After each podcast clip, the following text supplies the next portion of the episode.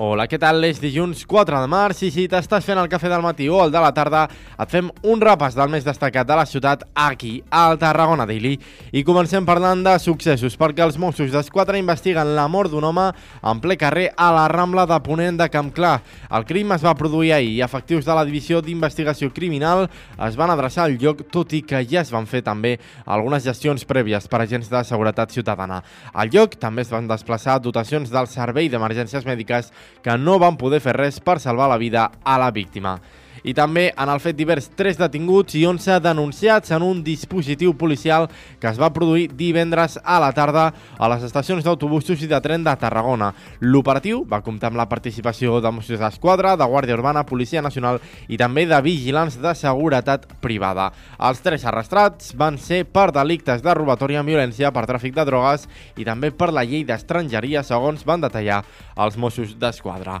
I, com sempre, fem la jornada esportiva en crònica amb titulars perquè Comencem, com sempre, amb el Nàstic. Dos victòries i una derrota, el que ha passat aquest cap de setmana en el món de l'esport. Primer, el Nàstic, amb la victòria d'or al camp de l'Aire Enteiro per 0 gols a 1.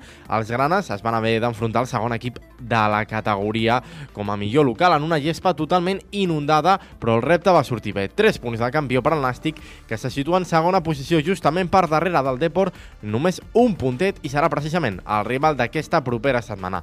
Nàstic Deportivo de la Corunya, diumenge a les 12 del. En bàsquet, moment molt delicat i crític pel Club Bàsquet Tarragona. Els tarragonins van caure a la pista del Mataró per 75 a 66, però aquesta no va ser la pitjor notícia, sinó que els rivals directes com el FIP Gui Palma i l'Alginet van guanyar els seus respectius enfrontaments. Els Balears, a més, van superar un Salou que era cinquè a la taula. Els blaus li resten 5 partits i ara mateix es troben a dos d'evitar el descens directe. Qui ha tingut una jornada immillorable ha estat el vòlei Sant Pere Pau, que sense voler ha posat la directa per classificar-se al playoff d'ascens. Els cooperativistes segueixen fent la seva feina i van guanyar per 3 a 0 al tren de Sawyer. Tot i això, la bona notícia no va arribar al seu maig, que també, a pocs quilòmetres de la ciutat, l'altre equip de la província, la Superliga 2, li va fer un regal als tarragonins. El Roquet es va superar el Xàtiva, que s'allunya a 9 punts dels tarragonins. Ara mateix, els de Blados Tebovski estan a només una victòria de certificar la seva participació a la fase d'ascens per la màxima categoria del voleibol estatal. Jo marxo, però recorda que si vols rebre les notícies més destacades, al teu WhatsApp subscrit al 640 94 45 66. A Tarragona Daily mateix una coproducció de Ràdio Ciutat de Tarragona i la xarxa Fes-nos part de la teva rutina. Adeu, fins demà!